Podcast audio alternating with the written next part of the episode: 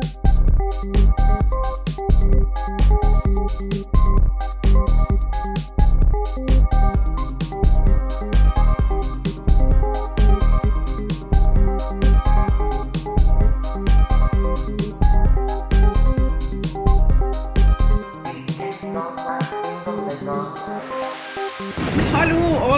Velkommen til Hvilken dag er din dommedag? Anno 2022 med meg, Hege Skarud fra Attack Norge og Mig, Jonas Algers från Manifest Tankesmedje. Hurra! Velkommen. Godt nyttår, Jonas. Gott nytt år, gott att se dig Hege. Deg òg, selv om det er via videolink. Yes, fortsatt lockdown, fortsatt eh, videopodcastupptag. Men du er jo faktisk eh, i utlandet. Ikke bare i Sverige, men i Danmark. Yes, yes, jag har varit på Skandinavia-turné här över eh, julferien och eh, har inte lyckats komma tillbaka till Oslo ännu, men eh, ska dit snart. Har du haft en, eh, en god julferie? Jeg har tilbrakt eh, må en 80% enten i smittekarantene eller eh, isolert med korona. Nydelig. Nydelig. Det är precis det man vill bruka sin ferie till. Det var akkurat det. eh, Både det og også liksom å herje så innmari mye med neseborene mine for å ta så mange tester jeg bare kunne for å finne ut at det er korona du har. Det er ikke bare kroppen din som har kollapsa fordi du har ferie nå, det er faktisk korona. Hur många test fick du ta för att finna ut av det? På en uke så tok jeg eh, fem eller seks tester. Fett. Men det, var, var- det er også med at jeg testa meg ut av smittekarantene. Hadde en halv dag ute av smittekarantene før jeg måtte inn i ny smittekarantene. Og da skjønte jeg at nå, nå kommer den. Nå kommer, kommer den. Nå kommer ja. omikron. Ja. ja, men det är väl så. Det är väl nu man ska börja få eh, corona, så, eh, så gratulerar till det. Du fick den Tack. före mig. Takk, takk, takk. Jeg føler meg som hulken og er veldig klar eh, 2022. Eh, det har jo ikke vært eh, en sånn kjempebra start i nyhetene dommedagsmessig heller, eh, Jonas. Vi har prøvd å oppsummere ganske kort her. Det har bl.a. vært en blackout i Buenos Aires i Argentina som pga. den rekordhøye temperaturen på 40,9 grader slo ut hele kraftsystemet. Veldig relevant til den debatten vi skal ha, ta i dag. Og så like før klokka ni om morgenen den 7.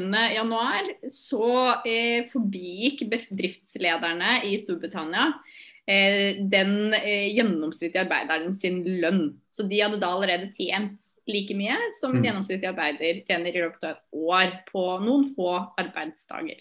Är det inte imponerande hur hårt några jobbar alltså, som tjänar så mycket? De producerar så otroligt mycket värde på bara några få dagar. Alltså, Ja. Det är inspirerande. Du må bare se å komme deg tilbake igjen fra København og begynne å jobbe litt Ja, exakt. exakt. Og så I tillegg så har aldri havet vært varmere enn i 2021.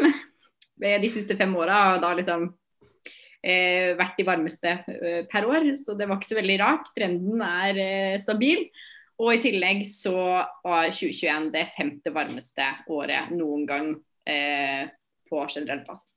Men kanskje, kanskje oppheves skjenkestoppen denne uka, så vi får bare eh, finne de lysglimtene vi kan her i verden, tenker jeg. Det blir skitbra. Fan, jag gläder mig. Jonas, kan ikke du bare ta oss med bort eh, til baren og presentere din cocktail for uken?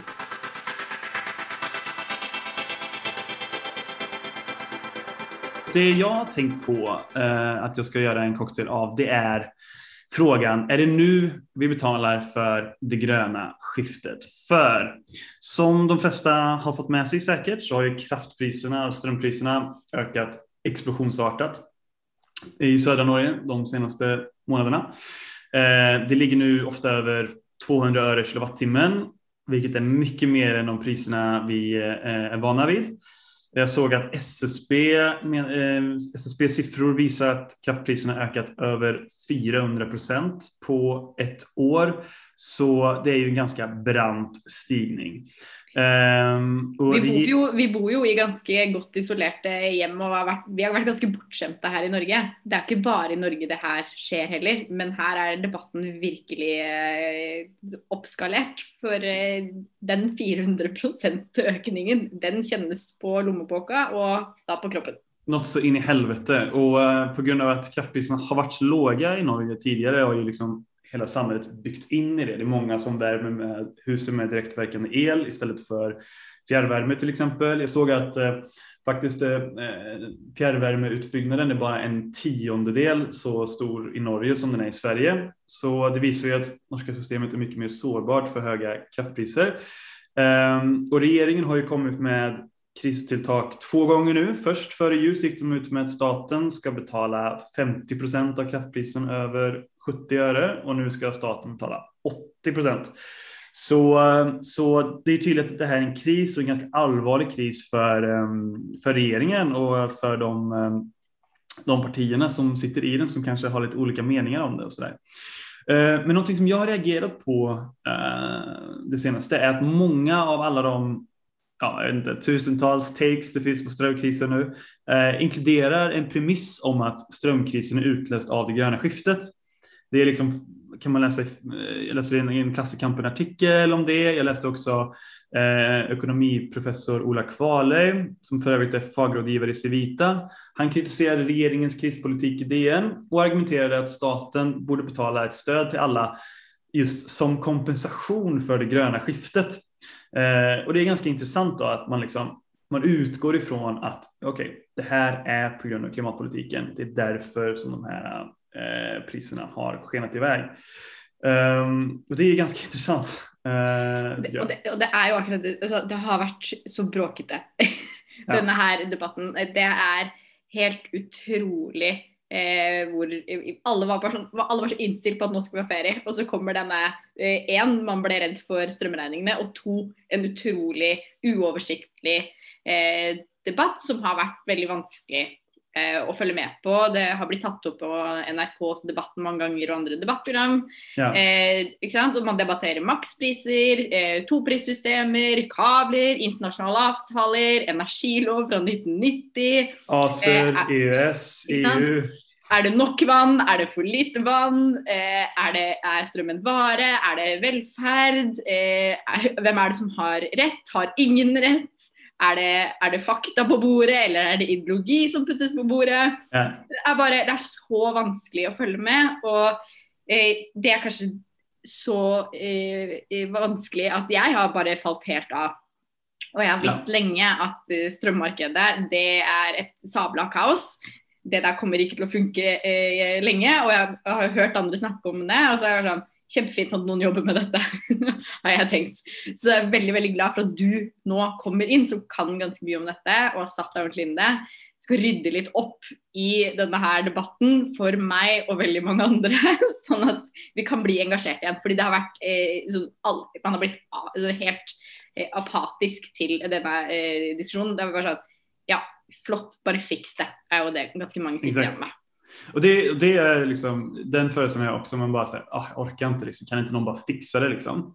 Men jag tänker också på något sätt är det ju ganska viktigt att verkligen så förstå hur har det hängt samman liksom? Vad är det det har utlöst av liksom? Och det visar sig vara ett ganska djupt eh, rabbit hole liksom, som jag har eh, hoppat ner i här. Eh, och jag tänkte jag skulle ta med dig och våra kära lyssnare ner eh, i detta rabbit hole med mig och försöka eh, gå igenom då, vad är det som det här drivs av. Liksom. För jag tänker också det är viktigt för, för, eh, för liksom, vänsterns två viktigaste agendapunkter kan du säga. Alltså regeringen men också vänstern i bred, bred bemärkelse och också liksom socialistiska vänstersidan. Det är ju både en social politik liksom för rättfärdighet men också grön omställning. Och den här liksom, tanken om att det här energipriskrisen har utlösts av eh, av eh, klimatpolitik. Det blir då liksom, okej okay, vänstersidan, ni kan inte få både och, ni måste välja. Det blir motsatsförhåll och så blir det liksom ett moraliskt spörsmål om så här, vad tycker vi är viktigast? Är det liksom eh, socialpolitik eller är det klimatomställning? Och det älskar ju medierna och det älskar högersidan. Ehm, men jag tror inte riktigt att det är så det ligger till. Ehm, så ehm, så let's go helt enkelt. Ja. Det är, det är uh, adjuster apparatus, nu, uh, nu sker det. Är detta är det det som någon säger, är det verkligen klimatomställningen som gör detta eller vad är det som egentligen har skett här? Ja, Eh, ökningen i gas, kol och strömpriser har orsakats av en kombination av faktorer, men det är fel och vilseledande att lägga ansvaret på den gröna energiomställningen. Det är alltså inte någon MDG-are eller jag som säger, utan det är eh, IEA, Internationella energibyrån. Och det är ju eh, kanske en bra startpunkt därför att EA var ju också petroleumhögerns favoritorganisation så länge de var positiva till norsk oljeproduktion. Eh, men sedan EA nu har sagt att världen inte behöver mer investeringar i ny produktion av olja och gas så har ju eh, kanske petroleumhögern blivit lite mindre intresserade. Men det tycker inte jag borde ändra liksom EAs trovärdighet utan det är ganska intressant att de säger det. Och EA då, jag läste en analys där de pekar på den snabba återhämtningen från corona som har gjort att efterspörseln på energi har skjutit i höjden mycket snabbare än vad utbudet kunnat eh, än, utbudet helt enkelt. Så efter recessionen i 2022 när alla, alla nationer i världen mer eller mindre stängde ner så har ekonomin kommit igång snabbare än efter någon recession på 80 år. Så därför har ju efterfrågan på efterfrågan på energi eh, exploderat. Och mycket av bilden då kan förklaras med utvecklingen i Kina så vi ska snacka lite om Kina och kull och så ska vi snacka om gas och Ryssland och så kommer vi till Europa och så kommer vi till Norge. Okej, okay. så Kina har haft den starkaste växten i 2021 av några land och det har också, eh, eh, de har också haft en, en ovanligt kall vinter 2020 till 2021 och också en ovanligt varm sommar 2021. Det, det, betyder att inte bara har produktionen ökat eh, kraftigt efter coronakrisen, men också eh, energibehovet till uppvärmning och sedan airconditioning. Så därför har Kina behövt otroligt stora mängder kol för att förse, eh, för, för, att få tillgång till energi. Då. Men samtidigt som Kina har, har ökat efterspörseln av energi håller de också på att omstrukturera sin kolproduktion Ehm, de vill göra sina kolgruvor mer säkra och, och eh, mer effektiva. Och så de har behövt importera kol. Då. Men det har också varit massa problem med kolleveranser till Kina. Ehm, och därför har man då tvingats importera stora mängder gas. Och gas den kan transporteras egentligen på två sätt och det, det är viktigt för grejen här för att uh, antingen transporterar du i pipelines eller så transporterar du i flytande form på skepp. Och Kina har då eh, framför allt importerat från Gulfstaterna i flytande form, så kallad eh, ja, LNG eller liquid, liquid natural gas.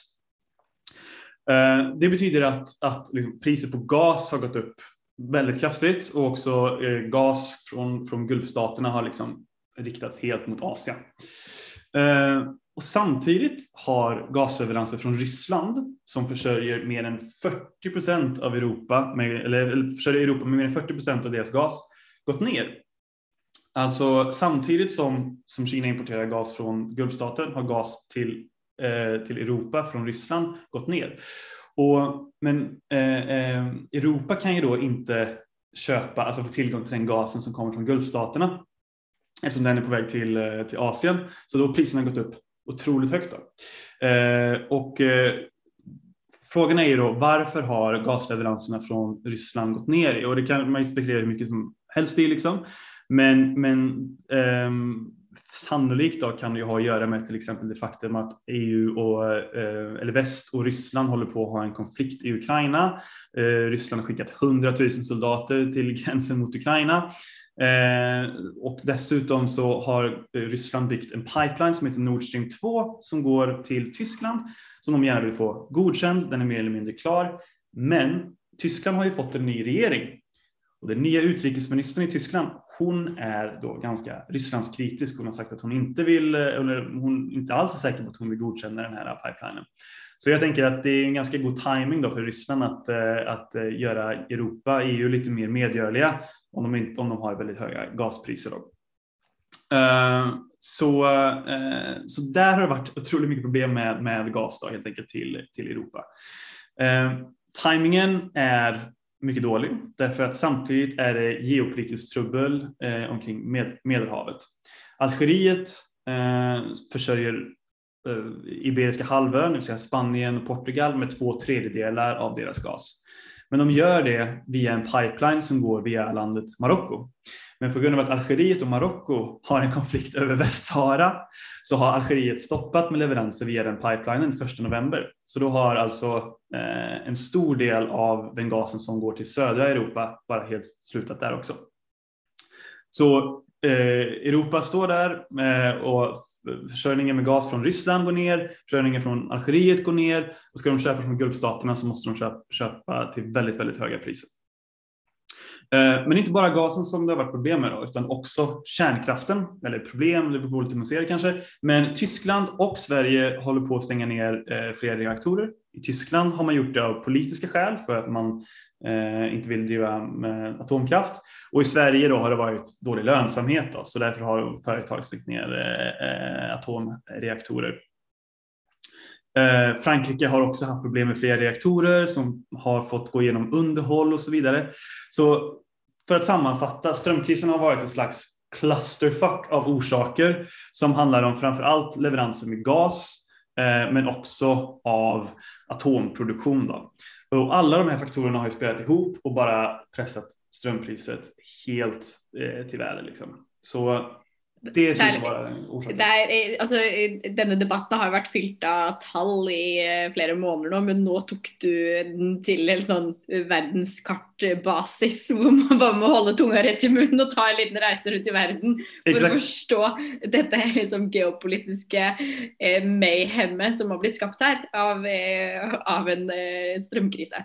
Ja, exakt. Men jag tänker, ja, jag tänker det att eh, Alltså när man ser det geografiskt så kanske det är lite lättare att förstå att okay, mm. liksom, eh, det handlar om fysiska resurser som har, av gas som har gått till Kina, som inte kommer från Ryssland, som inte kommer från Algeriet. Ryssland har ju i och för sig också hävdat att ja, men vi, måste, vi skickar ju gas till Asien.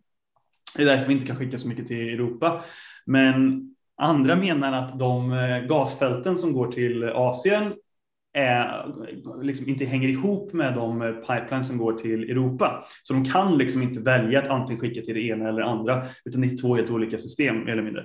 Mm. Um, ja, så så det, ser ut, det ser ut, jag vill bara säga att det ser ut som att det kan vara politiskt här och jag läste precis innan vi gör det här upptaket att han, eh, chefen för EEA har gått ut och sagt att hallå, Ryssland ni levererar inte det ni ska. Det, ni bidrar till, eh, till gas och strömkrisen i Europa. Så det är ganska big deal då, geopolitiskt.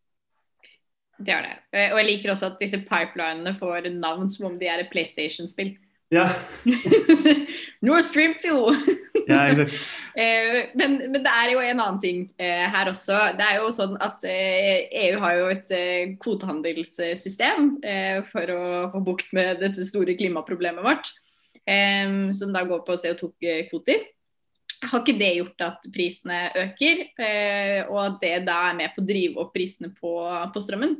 Jo, eh, det finns eh, absolut har liksom kvotpriset gått upp och det har också bidragit till eh, de ökade strömpriserna. Eh, men det har det, det, är mer komplext än så. Eh, EU-kommissionen släppte nyligen en eh, figur där de liksom menar att så här, eh, okay, det är helt uppenbart att det är gaspriset som, som främst driver detta. Därför att ökningen i kvotpriset har varit marginell i jämförelse med ökningen i gaspriset. Så, så dels är det väldigt tydligt då att det framför allt är, är gasprisökningen som, som påverkar strömpriset. Men sen också den ökningen som har varit i kvot, kvotpriset har också att göra med gaspriset. Och här blir det lite komplext då, det kanske låter som jag går i en cirkel här. Men alltså så här fungerar det.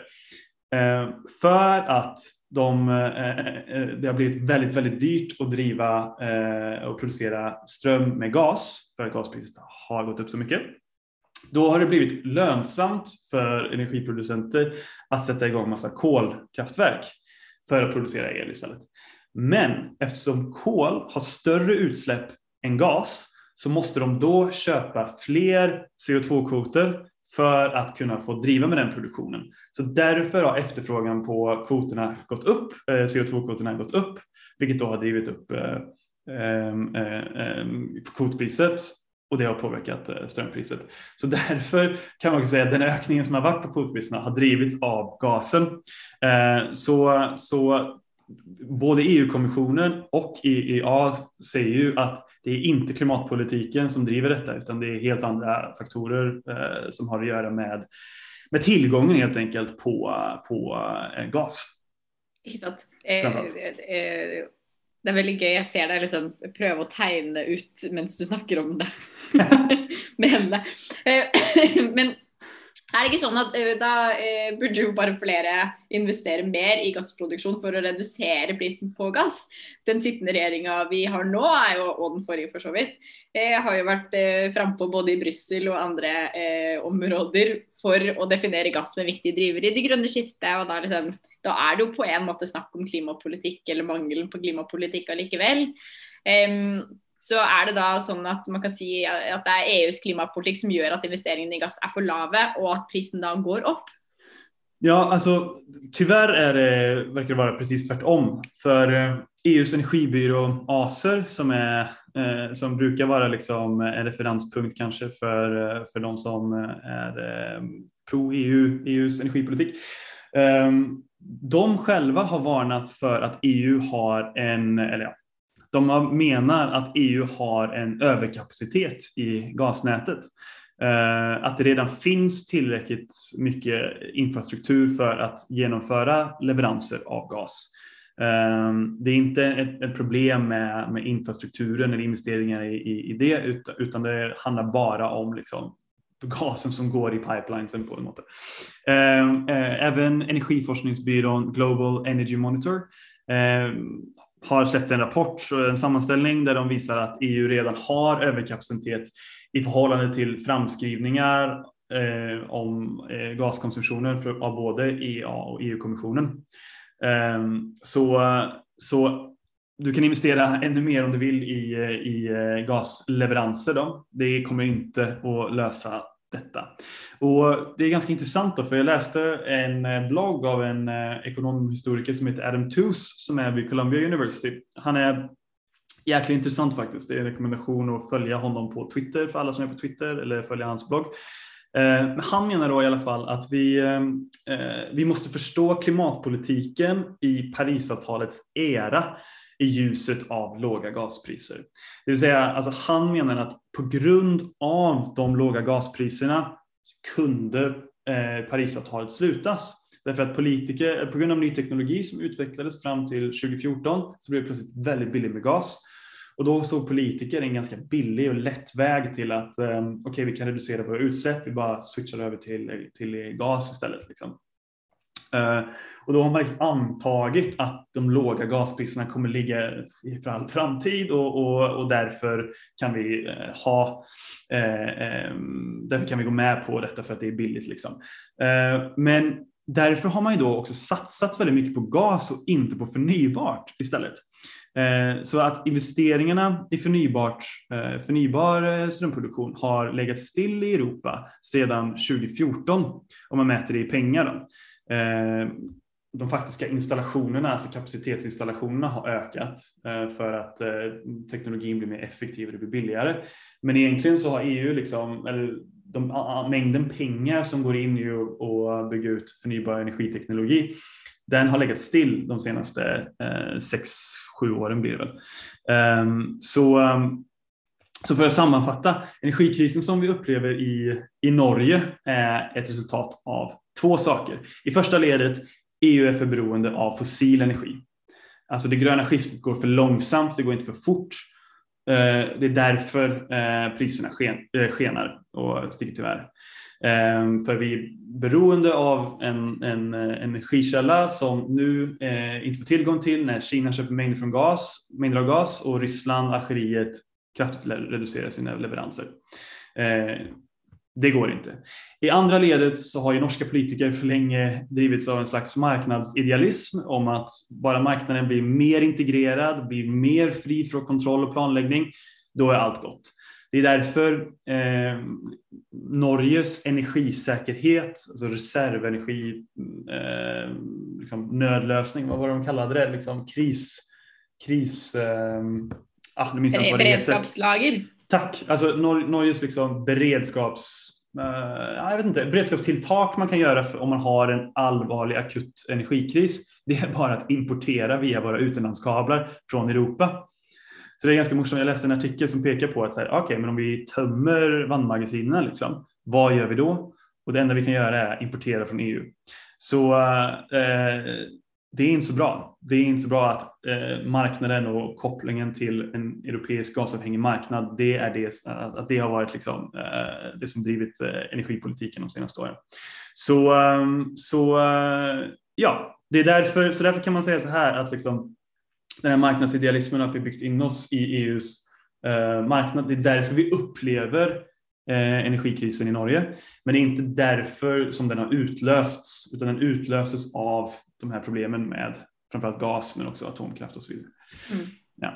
Det är ju fryktelig tragikomisk att vi har brukt gass för att komma oss undan kull och så eh, nu sitter vi där med skägg i postkassa igen om eh, mer kull faset in. Exakt. Det är ju otroligt pinligt. ja, men det, det, man har ju sagt det här länge om att liksom gas det är ett, ett skritt på vägen till förnybarsamfundet. Liksom.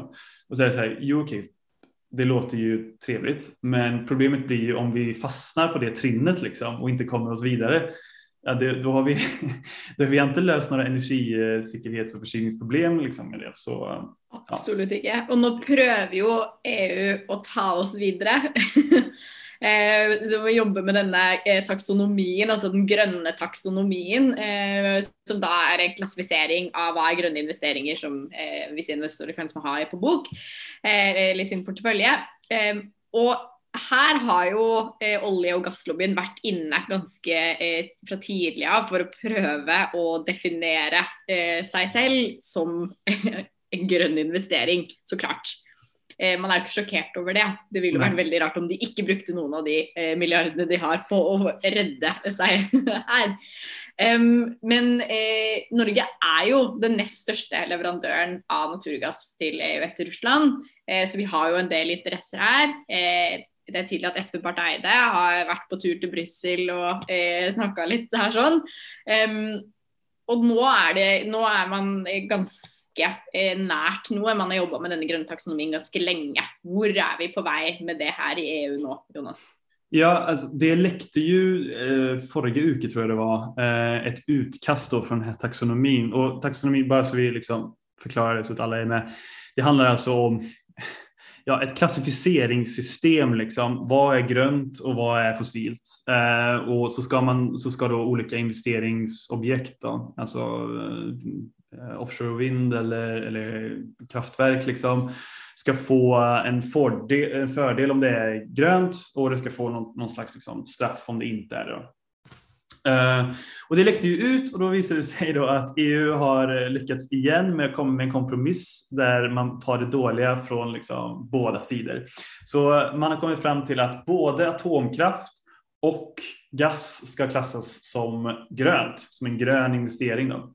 God ju... jul och gott nytt år, ja, verkligen. Det är, det är så jävla fett. För, för grejen är att Alltså, jag kan ändå se någonstans att till exempel Frankrike, då, Frankrike är ju väldigt atomberoende, de har nästan bara kärnkraft. Eh, och eh, Tyskland, de har ju, är ju väldigt gasberoende. Och det här är liksom blivit en kompromiss mellan de två, så därför säger de att ah, vi accepterar båda grejerna. Men och jag kan ändå se, liksom, att jag förstår att det är bättre med gas än kol. Och jag kan förstå att okej, okay, några gånger, eller jag, jag, jag, kanske kan vara lite agnostisk mot atomkraft. Jag kan tycka så här att vi borde inte skruva av atomkraften före vi har skruvat av kolkraften om du säger så. Mm, men det är också väldigt kjipt för Tyskland. De har brukt ganska mycket eh, energi eh, på att skruva av atomkraftverken sina. Exakt, så de har ju istället börjat liksom, eh, använda kolkraftverk istället för atomkraftverk och det vet jag inte om det är bättre.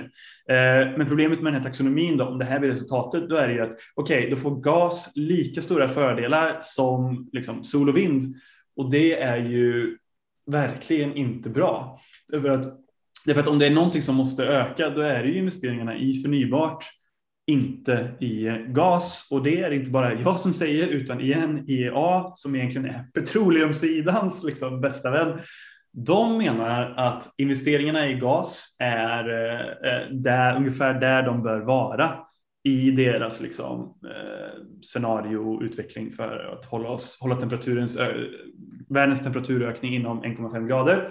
Då kan vi investera så mycket som vi gör nu i, i gas. Eh, men på förnybara sidan så måste den mer än fördubblas. Alltså eh, mängden investeringar. Så därför är det ju tydligt då att för, förnybar, eh, förnybar energiproduktion måste ju få fördelar som gas inte får. Och därför är det ju ja, ganska liksom tragiskt att se att det här taxonomin ser ut som den gör och också att Espen Eide som jag egentligen tycker är en väldigt eh, liksom ambitiös klimatpolitiker till synes har lobbat för det och vill ta åt sig äran för det. Det tycker jag är ganska, eh, ganska trist faktiskt. Mm. Så, uh, så vi får se, men den här taxonomin är ju inte, det är inte färdigt då. Det är fortfarande har EU, EU-parlamentet ska säga någonting och så får vi se vad som händer i förhandlingarna mellan nationerna. Men, uh, men ja, det blir spännande. Jag tror det är nästa vecka vi ska få veta den faktiska, färdig, den faktiska färdiga planen. Då. Mm. Jag tror det är idag eh, dessa gröna finansministrarna, eller vad det är de kallar dem, eh, har eh, inspelsfrist eh, till eh, taxonomin. Okay. Og så er det jo eh, det som er altså gassen Man legger noen rammer i det utkastet eh, for hvordan eh, gass skal være. så Det, er noen, det må ny teknologi til, eh, som f.eks. karbonfangst og -lagring eller innblanding av hydrogen og biogass. og Eh, ding, ding, ding. Hvem er det som er supergira på å utvikle karbon, eh, karbonfangst och lagring? Det är ju Norge. Eh, inte sant? Exakt, så, så mer, eh, mer pengar till oss. Fett. Eh, men det är ju på ett, alltså på ett sätt kan man ju säga så här, okej okay, fine, om man fångar in gasen och sådär, så, eller säga, um, utsläppen så, så är det ju bra liksom. Men grejen är ju, och, och Espen Eide har ju också sagt det så här att okej, okay, men vi kan ha de här gaspipelinesen och gaskraftverken, det är fine därför att det kan bara göras om till hydrogen i framtiden. Då kan vi bara driva alltihop på, på hydrogen. Men problemet är ju att det finns massa sektorer som till exempel stål som är väldigt, väldigt svåra att få ner eh, utsläppen i eh, om man inte går över till till exempel hydrogen eller shipping till exempel. Alltså, eh, med stora skeppen liksom som, som fraktar alla containerfartyg över över jorden, de eh, måste också drivas på hydrogen för det ser ut att vara egentligen den enda lösningen man kan ha, den enda tekniska lösningen man kan ha för att, liksom, eh, för att lösa det. Och då behövs ju den hydrogen vi har till det och inte till eh, produktion av eh, ström när det finns, där finns det ju faktiskt alternativ. Där kan vi använda sol och vind och eh, alla fossilfria eh, alla fossilfria energiresurser som finns tillgängliga. Liksom. Där finns det alternativ. Där borde vi inte använda den hydrogenen vi har. Det är dåligt bruk av liksom, de resurser som finns tillgängliga. Så äh, jag tror inte det är så strategiskt där. Men äh, vi får se. Vi får se hur, det, mm. hur det blir. Ikke bruke opp hydrogen till att frakta moppetøfler från Kina eh, runt om till Europa, på en måte? Nej, precis. Det, ja. det är inte så effektivt bruk av eh, hydrogenen. Alltså. Nej, helt enig.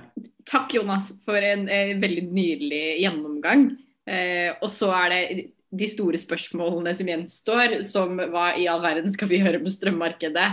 Eh, skal man, eh, hvordan skal vi utarbeide mer vannkraft i Norge? Ska vi eh, begynne å bygge ut verna vassdrag eller inte? Eh, der har jag masse personliga meningar, men, men dit har vi inte idag. Det kan vi heller komme tillbaka till en annan gång. Det är spöret. Men eh, jag tänker också att det är, en helt, det är, det är en annan grej för där kan man mm. ha många olika meningar om vad ska vi göra nu och hur ska vi reglera marknaden och så vidare. Liksom. Men jag tänker någonstans är det viktigt liksom, att här, förstå vad är det det kommer av för att kunna liksom, ha en riktig analys av vad, vad behöver vi göra. Liksom. Du har bara ryddat upp lite. Du bara kom in Marie Kondo that shit och så fick vi lite bättre översikt. Tusen hjertelig takk. La oss ta turen inn i ekkokammeret. Hva har du med deg i ekkokammeret i dag, Jonas? Okej, okay, jag har med mig en eh, härlig, eh, glad nyhet. Nej, självklart inte. Eh, jag har med en... oh, jag hoppas så innerligt. ja, nej, vi har en riktigt downer av episod här, första episoden 2022. Eh, jo, det är nämligen så att Lufthansa Group, som är då liksom morsällskap till flera flygsällskap som till exempel Brussels Airlines och Lufthansa, de har sagt nu att de har flugit hittills 18 000 eh, flights eh, utan passagerare. Alltså 18 000 eh, av, avgångar utan en enda passagerare ombord. Er det, er det i, alltid i den bedriften sin eksistens, eller hittil i år? Det är, alltså det, de har inte gjort det före corona, men de Okej. har gjort det liksom sedan corona. Då. Och orsaken till detta det är för att de vill behålla sina slots. Så, så här har man arrangerat då hela liksom flygmarkedet. Det är att alla, alla flyg har ju liksom olika tidsslots då, när de ska åka ifrån en, en, en flygplats och när de ska landa. Eh, Men så som det är reglerat nu, då är det att eh, om du inte brukar din slott, då försvinner den. Då kan någon annan ta den slotten istället. Så för att bevara sina liksom, tidslott i den här liksom, flygbyråkratin så har man alltså flugit 18 000 gånger med, eh, med tomma flyg. Då. Eh, ja. Och det har att göra med såklart då att corona, med, på grund av corona har det varit en kollaps i antalet flygresenärer eh, för att det är antingen vanskligt att resa eller man får inte resa. Eh, men, eh, men det har inte stoppat flygbolagen från att eh, flyga sina flights. Så eh, det är någonting man kan tänka på när man står där och funderar på om man ska och, och källsorterar eller tänker att man ska cykla istället för att ta bilen. Att eh, ja, det, you're making a difference. Fy, altså, jeg blir, sånne der nyheter blir jeg bare sånn Jeg orker ikke. Jeg orker ikke. ja. Det är verkligen så här, herregud eller? Det är liksom ett sånt Mm. otroligt stort slöseri bara på grund av liksom byråkratiska Mm. detaljer liksom. Och jag fattar inte hur, det, är- hur vi kan tillåta sånt slöseri alltså. Men eh, så är det. Så, eh, så det var en nyhet som jag såg blev delt på, på Twitter och eh, till folk var glada. Jeg er fucking glad. Jeg, jeg, tenkte jeg- egentlig, jeg tenkte egentlig ikke jeg hadde noen ting, fordi jeg har begynt året med å være sånn Å, jeg er så metta på verden, jeg orker ikke. Jeg har mista jeg har mistet muligheten til å mene noe om noen ting, har jeg følt. Okej? At jeg sitter i starten av året og vært sånn jeg, jeg tror ikke jeg mener noe lenger. Ehm, fordi alt har bare vært så overveldende. Det, så, det er så mange ting som man skal forholde seg til. Det er et nytt år, og så er det sånn Fortsatt pandemi. Fortsatt klimakrise. Fortsatt naturkrise. Fortsatt ulikhetskrise. Å ja, det blir verre og verre og verre på alle disse områdene. Så er jeg bare sånn mens eh, det ropes og skrikes eh, om eh, fra transfober på Twitter eller i Klassekampen osv., så, videre, og så, videre. så mitt håp for 2022 er at slutt med det. Slutt, slutt å være transfob. Eh, og så kom jeg nå på, mens du snakket om denne her taken, eh, på en ting som eh, gjorde meg sånn eh, like irritert som dette eh, Lufthansa-spetakkelet. Ja. For det er jo eh, Elon Musk Ah, som eh, jeg elsker din å hate. favorit. Du Ja. älskar Elon Musk. Ja, ja. Em, har jo laget disse, disse tunnelene i USA eh, som de kaller liksom boring tunnel. Just det, just det. Ja. Ikke sant? Ja. Og så er det noen som går i California, og så er det vel noen som går i Las Vegas. sånne ting. Og så så jeg her om dagen eh, en video på et eller annet sosiale medie av at det bare var en sånn kjempekøkork inni denne boring tunnelen. Og disse tunnelene er liksom Det her skal være sånn jettunneler for at man skal løse opp trafikkork. Og så visste ikke jeg før jeg leste en artikkel at disse her er jo tunnelene de eh, drives på Teslaer. Det er bare Teslaer som kan kjøre disse tunnelene. Um, og jeg bare, Selvfølgelig selvfølgelig har Elon Musk kommet inn til disse guvernørene eller hva enn det er. og er sånn, Det går bra, jeg løser denne her, eh, liksom, eh, flaskehalsen eh, av trafikkere, eh, KORK. em, og vi nå skal få ned utslippene. Tesla, vi fikser dette, lager en kjempeeffektiv tunnel. og så må bare da er det bare et liten catch her, er at du, du, du må kjøpe en Tesla for å kunne kjøpe, kjøre den tunnelen, som det er dyrt. Ja. Em, enten så kan man kjøpe Noen av de er sånn vanlige Teslaer, andre er sånn custom made Teslaer. Så det er bare hvordan eh, grønn kapitalisme bare igjen og igjen never ceases to eh, impress. Nej, men det är så typiskt, det är så typisk Elon Musk elitlösning. Liksom så här. Okej, vi har ett problem. Vi har massa människor som ska röra sig och då blir det trafikstopp. Så, ah, fan, jag gräver en tunnel och sen så kan vi åka i våra lyxbilar. Man bara säger, jo, fast om du vill ha liksom transportera mycket folk i tunnlar, då finns det ju något som kallas metro liksom. Ja, det, var det, det var noen sånne greier vi hadde fra før av. Ja, ikke sant? Vi Ja, metro, vi har, vi har busser, eh, og det har vist seg å være mye mer effektivt enn det her tullet som Elon Musk har kommet på eh, uansett nå. Ja, exakt. Men han får ju jäkligt mycket pengar då från olika stater och grejer för att kunna hålla på med sina tunnlar. Så det, jag förstår ju att det är en god business för honom. Liksom. Ja. Ja, herregud. Ja, nej men pikt eh, episode her første, første året 2022. Vi, eh, Bra. Jeg tror jeg fikk tilbake meningene mine eh, i denne episoden her. Det var det som mangla, Jonas. Det er du som mangler i livet mitt. Så nå Ja. må du se og pakke sekken og komme deg tilbake igjen til Oslo snart. Ja, jeg skal skynde meg. Fan. Jeg gleder meg til å komme tilbake. Bra. Tusen hjertelig takk. Det er helt nydelig å være tilbake igjen og eh, få lov til å lage podkast. Og jeg gleder meg masse masse til mange gode takes i løpet av 2022 sammen eh, med alle de som har lyst til å høre på oss. Det gör jag också. Det kommer bli ett fint år. Jag gläder mig till eh, fler, fler podcastepisoder och fler diskussioner med dig Hegel. Då hörs vi nästa vecka allesammans. Hjärtligt ja, tack för idag.